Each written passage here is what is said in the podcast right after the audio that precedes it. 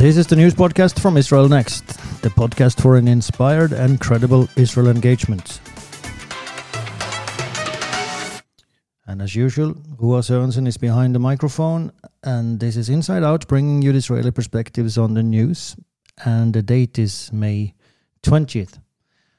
So, uh, another week has passed. A lot of things have happened, uh, which is the normal way in Israel. Um, they, they even have this kind of joke. It's it's like uh, an advertisement for a radio program in Israel, where this guy opens saying, "Wow, what a week," and and the other guy says, "Well, don't you say that every week?"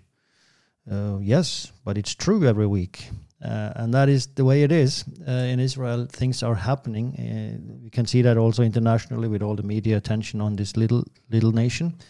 But even internally, uh, so many things that are going on.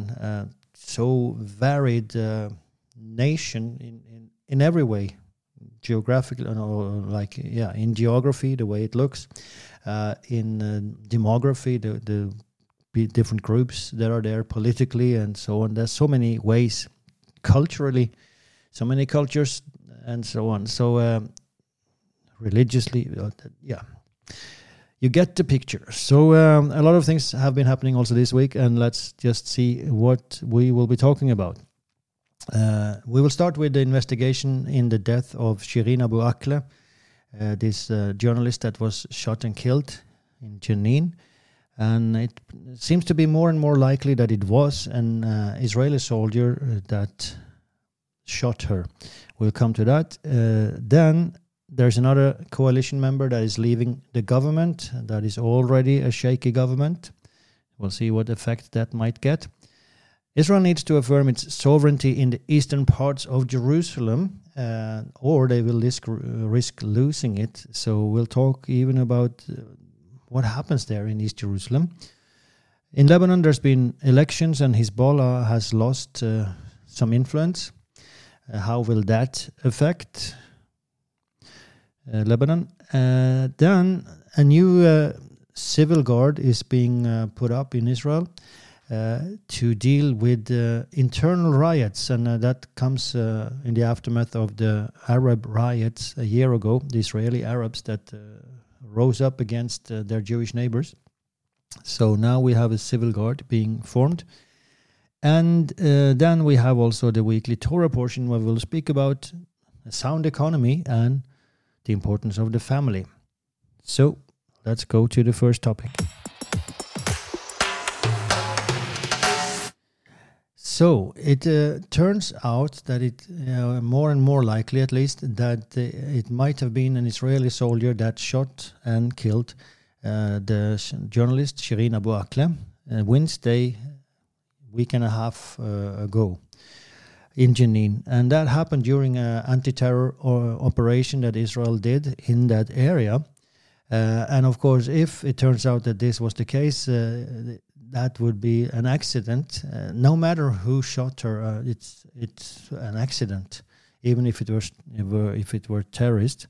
But Israel has, uh, from the very beginning, said there is a slight possibility that it could be a soldier, but we do believe that it is the random firing by the terrorists that has caused her death. Now they seem to be changing this and saying it tilts more and more towards the possibility that it was a soldier. And this, of course, is based on the investigation that uh, Israel has done. The IDF they they were, went back to the place and uh, they tried to to re uh, capture what had happened. Uh, and in the course of those though that event, uh, an Israeli soldier, elite soldier, was killed, sadly. Uh, but anyway, so Israel has performed their own investigation as far as they can, but they, they of course, uh, are lacking the crucial evidence, which is the body and the bullet. The Palestinian Authority is still refusing to cooperate with Israel. So, what Israel says is that we have uh, identified the weapon and, of course, also uh, the soldier that held the weapon that might have shot the journalist. Uh, and of course, that's based on uh, position and time and all these things. Uh, so Israel says if anyone shot the journalist or the IDF soldiers, this is the one. Uh, but we can only confirm or deny that when we have the bullet.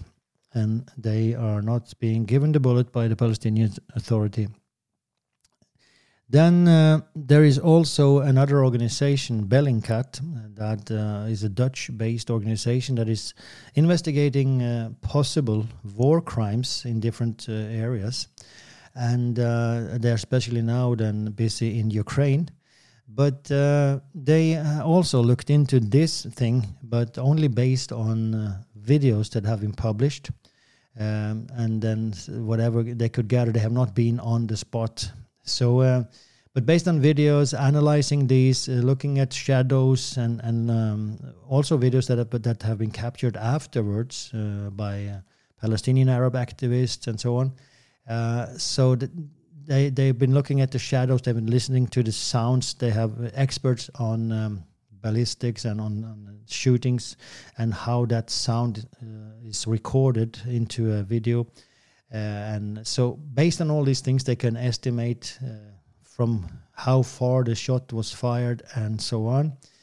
Uh, so they they also try to pin down the exact point where it happened uh, and where exactly were the Israeli soldiers at that time, uh, where were the terrorists, which of course it's much harder to to um, define. The Israeli soldiers are pretty visible, many of them. I mean, their forces, their the cars, their armored cars. And then, of course, they also have snipers that are positioned uh, different places. But uh, the, the terrorists are spread all over. Uh, and uh, so, anyway, based on the analysis that uh, Bellingcat has performed, they also say that it's most likely that it was an Israeli soldier that killed Abu Akleh. So, uh, as as I said, we we cannot know until we have the bullet.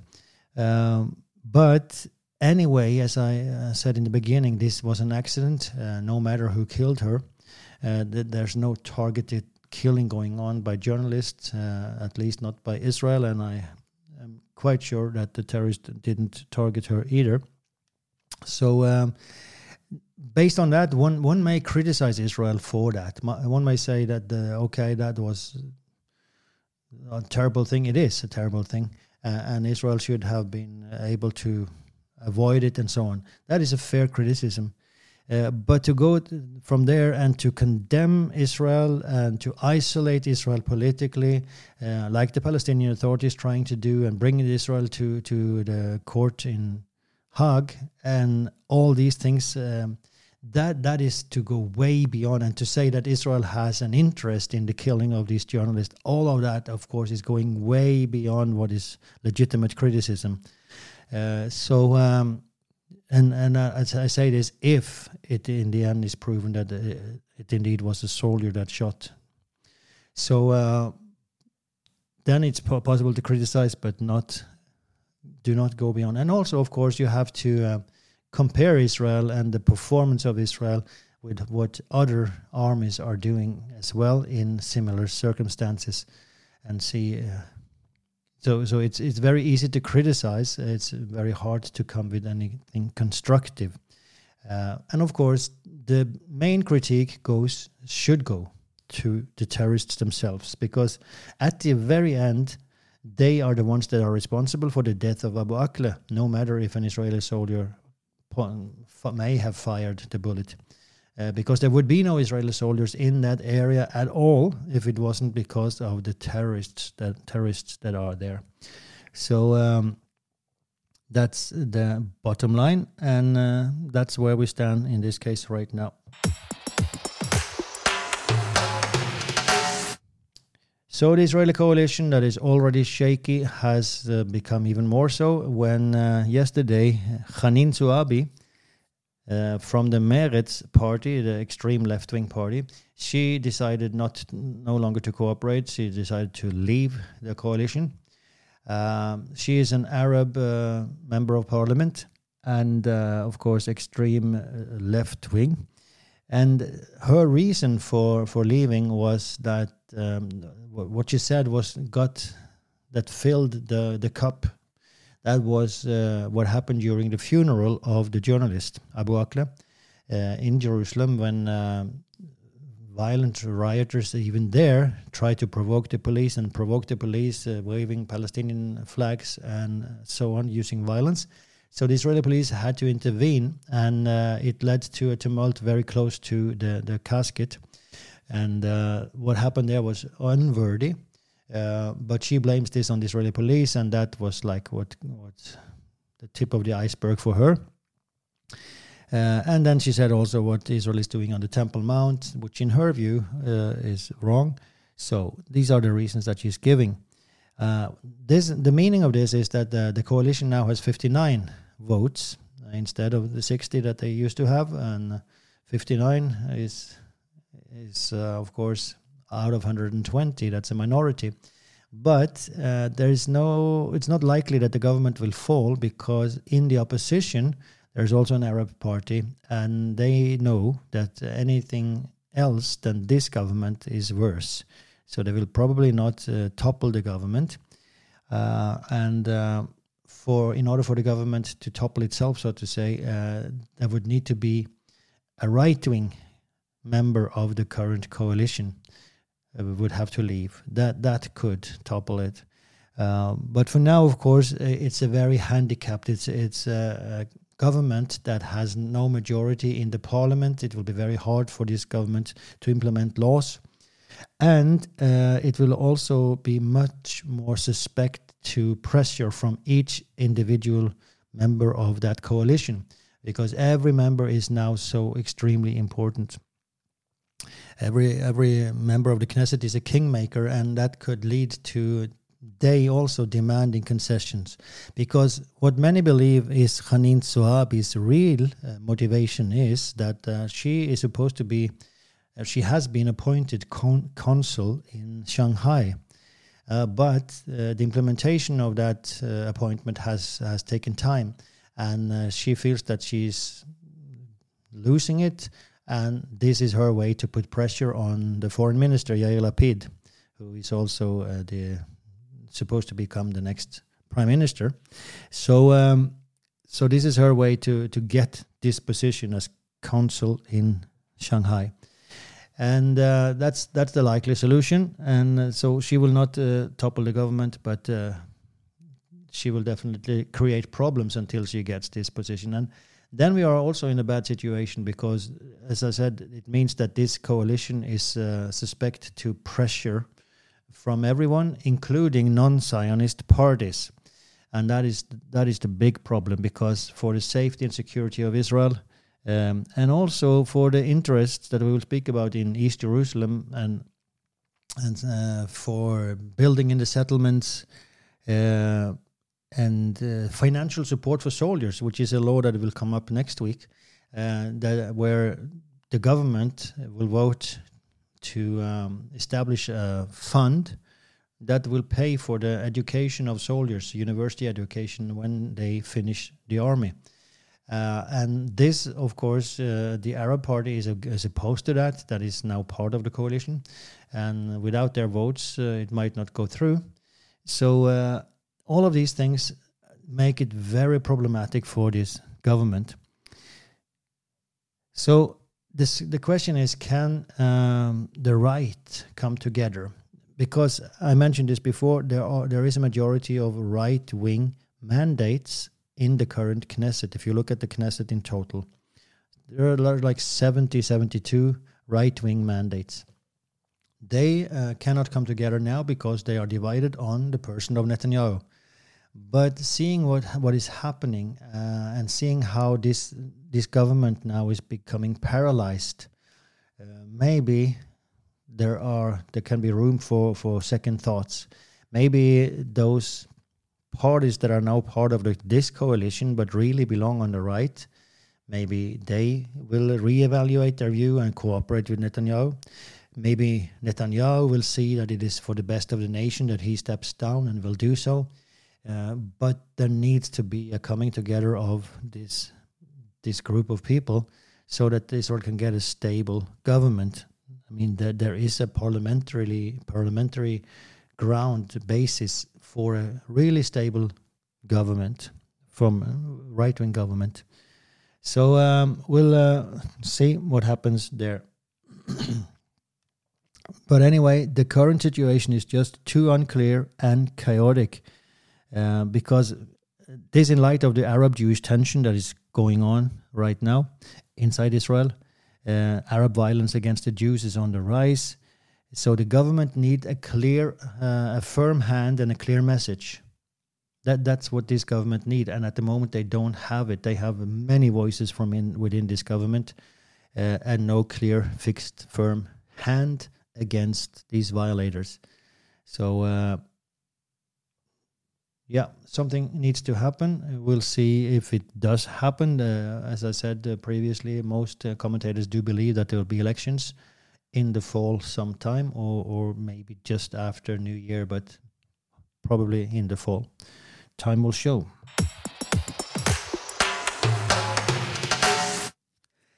We're going to speak about Jerusalem as the eternal capital, uh, eternal and united capital of Israel. Or is it? Just a recap. Uh, in 1967, three Arab countries decided once again to try to annihilate Israel, Syria, Egypt, and Jordan. Uh, they didn't succeed, and Israel instead conquered uh, Judea and Samaria, the West Bank, uh, Golan Heights, uh, um, the Gaza Strip, uh, and so on, the Sinai, and uh, of course also the eastern part of Jerusalem. And in that sense, they united the town, the city, they united Jerusalem. And um, then they annexed East Jerusalem. They made that part of the city an integral part of Israel. They applied Israeli law there, and uh, it's it's uh, from the Israeli point of view. There's no difference between East and West Jerusalem. It's one city under Israeli rule. Uh, in the eyes of the international community, this is different, but uh, that's not the case right now. Uh, we're talking about the Israeli view. And uh, of course, that's also based on his uh, solid historical rights, solid uh, legal rights, and solid moral rights that Israel now controls uh, the eastern part of Jerusalem, which is the historic Jerusalem, the biblical Jerusalem. There was no other Jerusalem until 1860. Still, Israel is not acting as if it is really the sovereign in that part of the city. And that's the sad thing about it. There are left wing parties in the Knesset that do not consider it a part of Israel. They say this is not ours, this should be a Palestinian capital. Uh, and even some politicians on the center and right uh, have accepted as well. You can start with uh, Ehud Barak from the left that uh, was in favor of dividing the city. Then Ehud Olmert that grew up as a Likud member and uh, then turned pretty much centrist left, and also was in favor of dividing the city. Uh, so, so you do have those thoughts even there, but in practical terms, also uh, this government and all the previous governments, there are so many things that they need to correct to send a clear message that this part of the city is fully Israeli one one thing is the infrastructure has been neglected in the eastern parts. That, that, there are several several reasons for this, and one of them is the non-cooperation of the Arabs living there. The eastern parts of Jerusalem, uh, the majority there are Arabs, but there are of course many Jews as well. But majority are Arabs, and many of them are opposed to municipal or state um, projects in their part of the city, and they even try to destroy projects, building projects, and so on. But that is one side. The other side is that the, the, that part of the city has been neglected. Jewish citizens are not completely free to buy houses in that part of the city. There's a long process if they want to do it, uh, especially, of course, if, if it is within an Arab neighborhood. Uh, but uh, that's not the same if they would buy houses in West Jerusalem. So there's there's another routine here. Uh, also, the security of these Jewish citizens in the eastern part is compromised. They, they don't have the same level of security that they do in the western part. And one example is this guy in Sheikh Jarrah whose car has been uh, put on fire nine times. Not the same car, but but a new car every time. Uh, nine times uh, Arabs have put his car on fire because they want him out of there, and he has no security.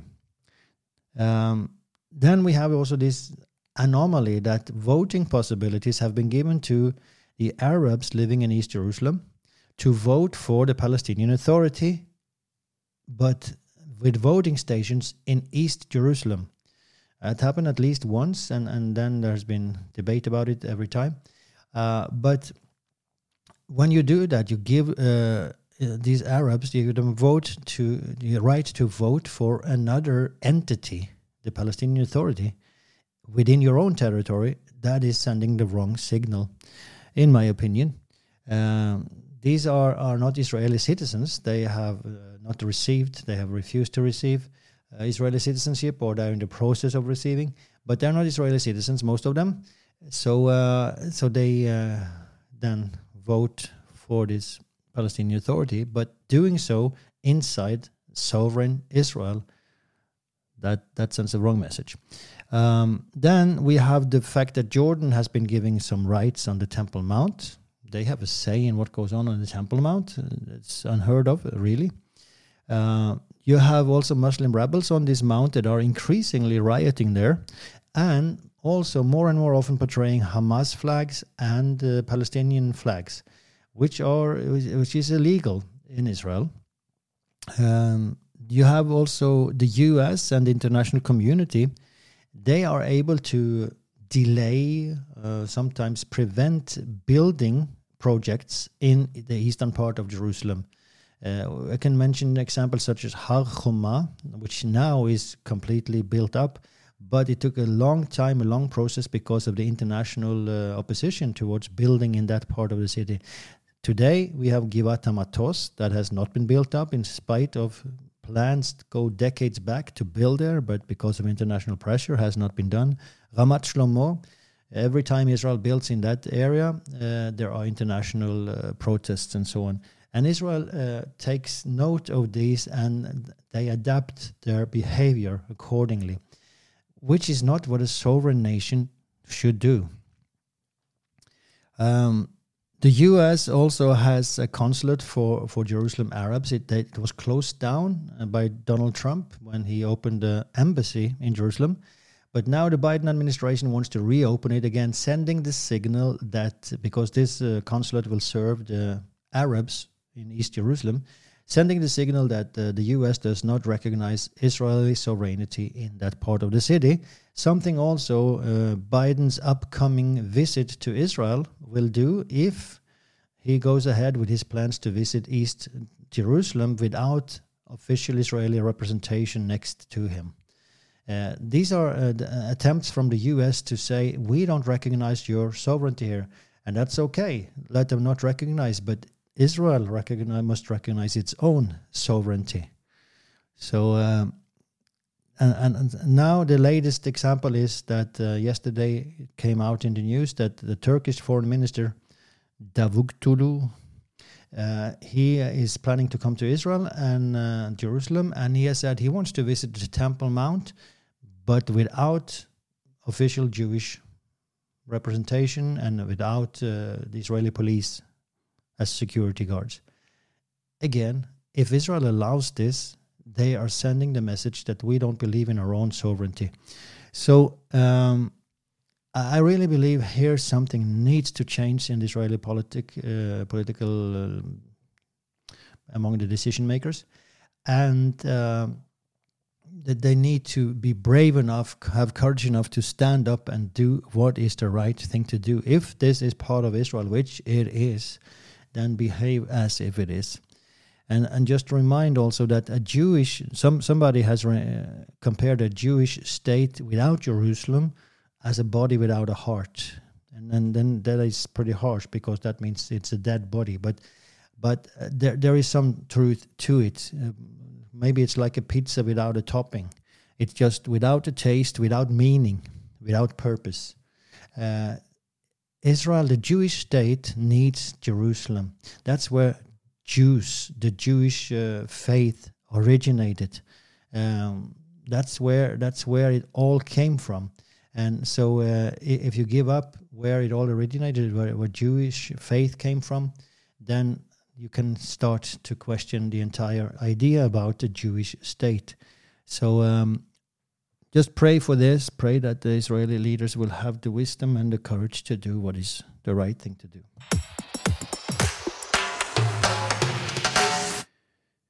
Then we go to Lebanon, and um, we will speak about uh, a few words about this election that took place this week, and where Hezbollah lost some influence in the parliament. They they lost majority in the parliament.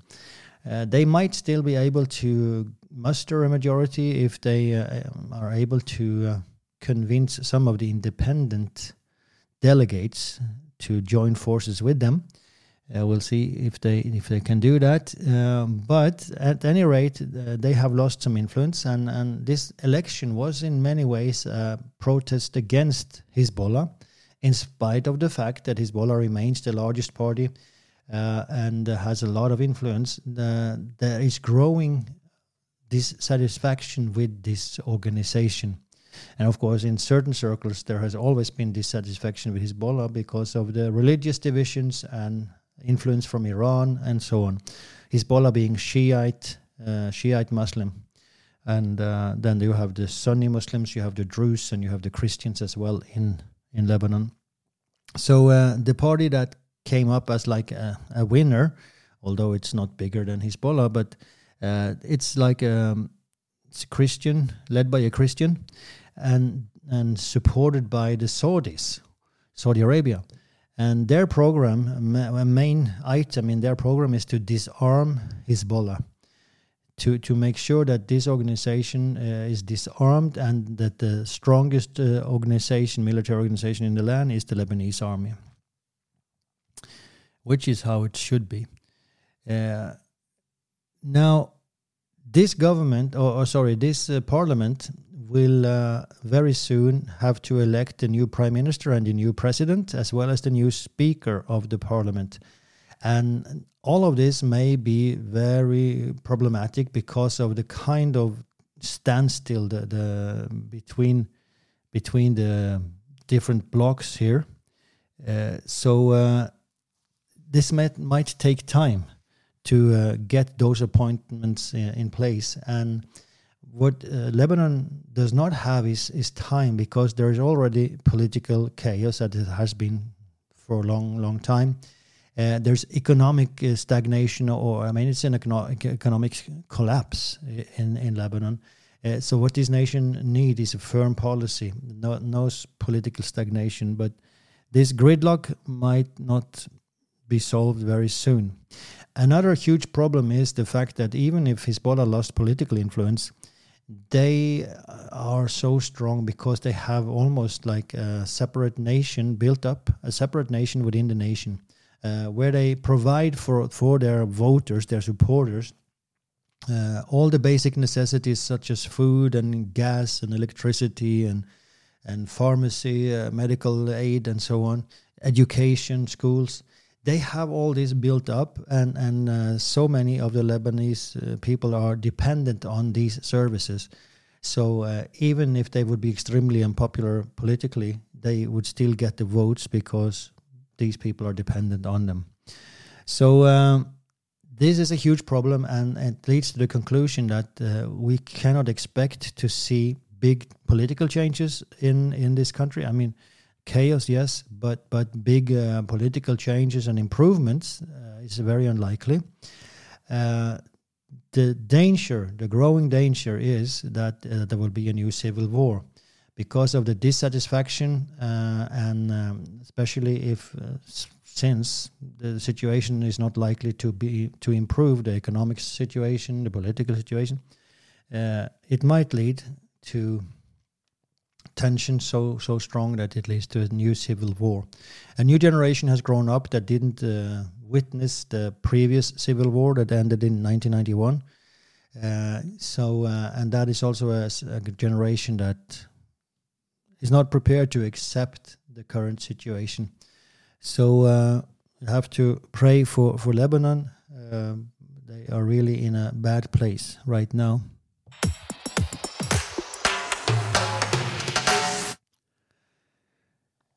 Uh, in Israel, there has now arisen a new um, a new force uh, of civil guards, a civil civil force uh, to protect uh, Israelis inside Israel, and this is a result of uh, the riots that took place in May last year. Uh, where Israeli Arabs rose up against their Jewish neighbors and uh, killed two of them and uh, also attacked so many, uh, almost lynched uh, many, and uh, put uh, fire, property, synagogues, houses, cars, uh, put it on fire. so um, in the end, of course, that riot, rebellion, violence, terror was pressed down. But uh, now, the last few weeks, uh, there has been some signs again of, of similar behavior from uh, from Israeli Arabs. So anyway, uh, since May last year, there has been talk of a civil guard to help uh, the police, uh, possibly the military, to protect Israelis. last time, the, the military was also used to to press down these riots. Now, um, all of this uh, happens uh, while there is this ongoing wave of terror uh, right now, and uh, the IDF has uh, initiated an operation called uh, Shovrim to to break the wave, breaking the wave, and uh, they, they, see this as a wave of terror that will maybe continue until the end of this year. but they are now operating every night and every day to uh, suppress uh, these terrorists. And um, the, this wave then has been uh, described as a wave of lone wolf attacks. Uh, it's not um, connected to a specific uh, organization, although there are many voices in Israel now that says uh, that's for just for political reasons. The, the political echelon uh, is not interested in connecting this to Hamas because that means that they would have, have to go after Hamas. Uh, so, and there might be something to this, uh, hard to say, but uh, there's no doubt that Hamas is encouraging these attacks. Attacks. There have been research made uh, that shows that Hamas is behind a lot of the propaganda that is spread on uh, internet and social media to perform attacks. And also, Islamic Jihad is behind this. you also have Hezbollah behind some of it and you even have bots uh, in India and Malaysia that are running campaigns like uh, to to get the terror up.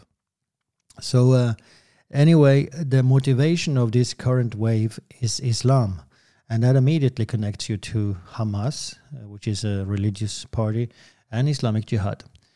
Um, so what what is also happening uh, then is that IDF, uh, the Israeli army, is preparing for when uh, when the new wave will come of Israeli Arab riots uh, rising up against their Jewish uh, neighbors, uh, Israel, the, uh, the, defense forces, has prepared uh, that this will be dub- twice as strong as the previous round, and are now preparing to to crush such a rebellion. so the IDF will then send troops to the mixed cities before the violence erupts uh, if they would know when it will erupt, but then I would take it in the very beginning. And uh, they will not allow anyone to close the roads in the Galilee or in the Negev because that happened during the previous rebellions. Uh, because these are uh, areas that are heavily populated by Arabs in the Negev and Galilee. So uh, they will not allow this to happen. Now, when it comes to this new uh, civil guard, then 4,000 people have lined up, uh, signed up, uh, and are now going through a course, seven times of, of education, uh, where they learn how to handle a weapon and how to deal with these things and what kind of authority they have and so on. Many of these are already uh, veteran soldiers or reserve soldiers and elite soldiers. Some of them are not. Uh, so, so you also have new people that are not familiar with weapons. But uh, then these will be given given a vest so you can identify them and this weapon, and they will patrol in their cities. That is the thought of this uh, Home Guard news uh, force. Uh, and they should at least uh, volunteer for four hours every week uh, to to guard their home cities. Now, what is interesting is that also 12% of the volunteers they are Muslims, so uh, they they also see the need to protect their own property and so on. So um, you have Jews, Christians, and Muslims uh, that are part of this guard. Well, that's about Shovrim et Agal and uh, yeah, this uh, wave of terror and uh, fear of uh, another wave of terror. They, of course, they they are expecting that this new wave of terror will come in connection with a war uh, against Hamas or against Hezbollah.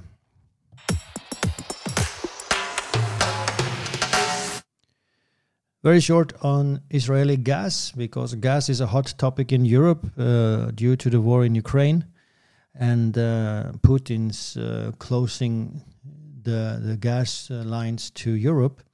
So uh, Israel has said they are willing and able to, to step up their production, but of course it will take some time. Right now, they are producing 20 billion cubic meters a year, and they will double this uh, within the next uh, two, three years and then uh, they are now negotiating with Europe uh, to to provide it to the European continent. So um, this is just uh, an interesting thing. Uh, Israel will do this uh, by expanding the the current gas fields that they have, but also opening new gas fields that they have already found but haven't started producing from yet. So uh, this, of course, will help Europe, and it will also infuse a lot of money into the Israeli economy. And economy is the topic of Parashat Hashavua, at least uh, one of the, the, comments on this. Uh, this uh, parasha is called Behar uh, on the mountain and uh, comes from Leviticus 25 1 to 26 2. Summary of this parasha is that God gives laws on the seventh year, the Shabbat year, the year of rest, when the land should rest from harvesting.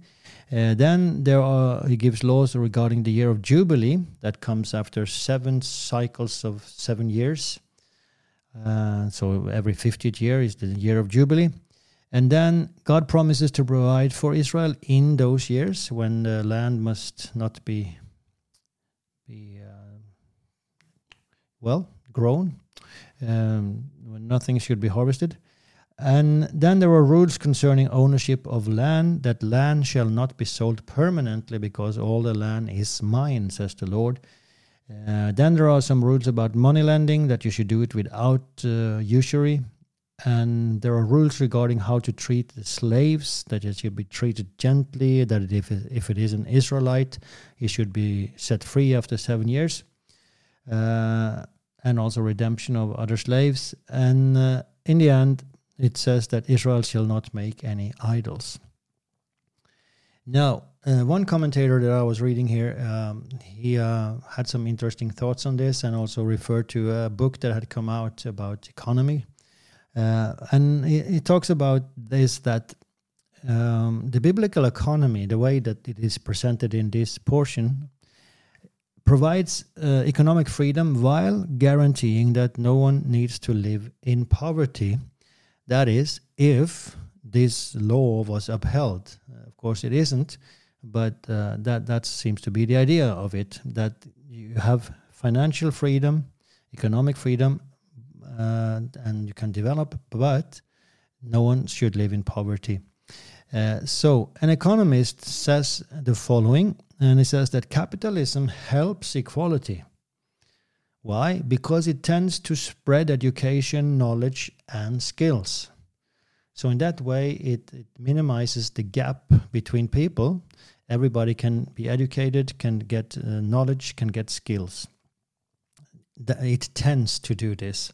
It's not like a 100% rule, but that's the general trend. But capitalism also prevents equality as those who own assets they grow rich faster than those who only live from their income. So if you own a house, if you own fields, if you own a factory, or whatever you own, you will get rich faster than if you just have your salary. Uh, and that is the way it is in uh, capital society, capitalistic society.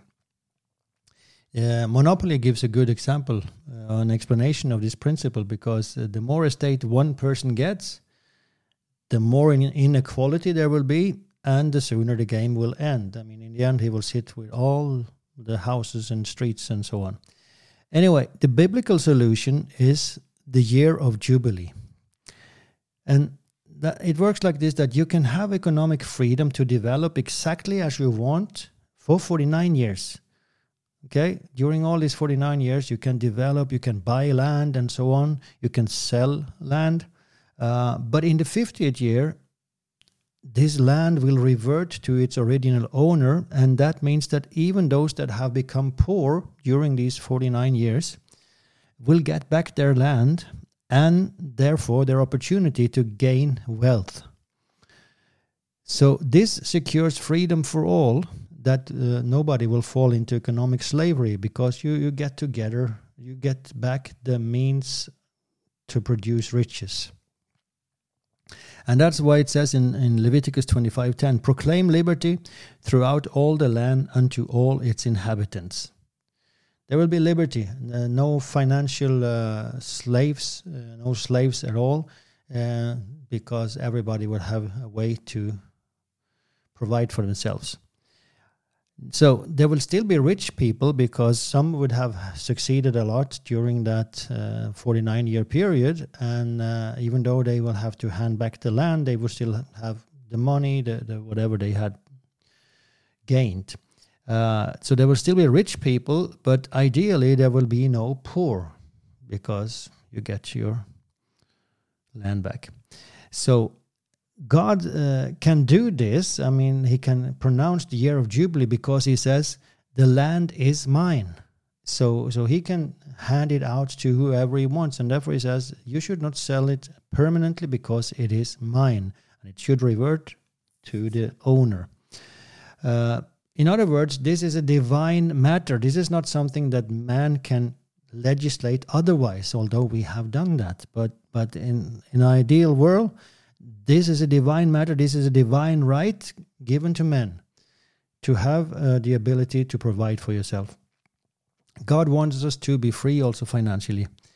But where this divine principle is not honored, for instance, if, if I believe that the land is indeed mine, and if I believe there is no God, of course, then I don't care about the land belonging to somebody that don't exist in my world view.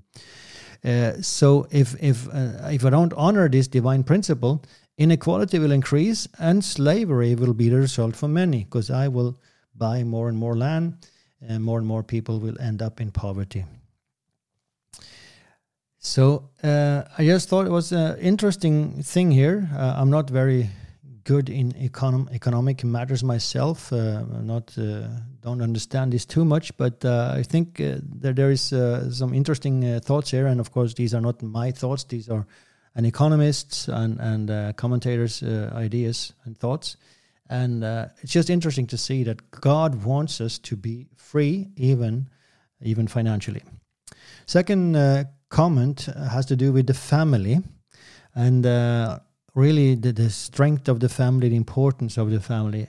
The Bible is packed with references to uh, God's people being a family. So you have uh, expressions like uh, Israel is my firstborn. Uh, you should uh, help your brother, raise up your brother if he falls. Um, you are the children of the Lord your God. You have these verses. So if, if we are the children of God, then that makes us brothers, sisters, makes us family. And uh, this is a concept that is extremely important in uh, Jewish tradition. Uh, that this concept of family, uh, and especially on a day like this, a Friday, Shabbat, when uh, the big families come together, like several generations come together. Uh, so, why does this commentator ask? Why did God emphasize the family? Why didn't He take like a group of like minded people? Uh, so uh, why did he choose the family to to build his story around? Because when you look at Genesis, uh, you see that uh, the story is not like built uh, up. This is the word of God, but it's not built up like a book of articles of faith, dogmas, or something like this. It's built up like a story surrounded uh, surrounding a family, the family of Abraham, Sarah, Isaac, Jacob, and Israel. So and then uh, the principles of faith are given through their lives. We see how they live, and from that we learn. But it's built up around family. So why why did God emphasize family and not like-minded people, a group of people that have the same interest? Um, and uh, the answer that this commentator gives is that the family a functioning family is the most powerful vehicle of continuity on earth. It's the most powerful vehicle of continuity. And, that's interesting. God knew that when he started what what he started uh, way back there, uh, first creation, and but then of course Abraham. Uh, this is not something that is going to last just for this generation. He knew that this is something that's going to last for generation after generation. And the family is what will secure that transition. Because within a family, there is fostering, there is education, uh, there is transferring of knowledge to the next generation. And that guarantees continuity. It also guarantees respect, internal respect, and love for each other. And all of these things can then be extended from the family relationship to friends, to neighbors, to community, to state or nation, and to the entire world, to the ent- entire humanity. Uh, and that is what uh, what he's talking about. A tool of continuity. So um, this um, explains to a large extent why there is such an attack on family today because even today in in a society the family is like a, a center around which a society can be built upon. The family uh, structure is important for a sound and functioning uh, society so you see uh, why the traditional family is under attack because when that family breaks up there's no continuity. There is uh, at least less continuity. Um, it, it, scatters. It, it creates individualism. Um, because the family bonds are broken up, and so uh, we become more individualistic. Uh, there is less respect and love because that is also something that is a result of a sound functioning fa- family. Uh, so uh, when these things are diminished, love and respect, uh, there is alienation and it leads to divisions. Uh, and society that is divided, it will not be strong. So uh, you can really understand why there is this attack and why we need to pray for the families. Okay, that's it for today, for this week. Um, we will end as usually with uh, the, the priestly blessing upon Israel. And once again, just remind you to use these things to pray for Israel. Uh, so uh, if you want to support us, you can do that. Uh, we have our webpage, israelnext.com, and you find a button give there. So let's uh, pronounce the blessing on Israel. יברכך אדוני וישמרך. יאר אדוני פניו אליך ויחונקה. יישא אדוני פניו אליך וישם לך שלום. Amen.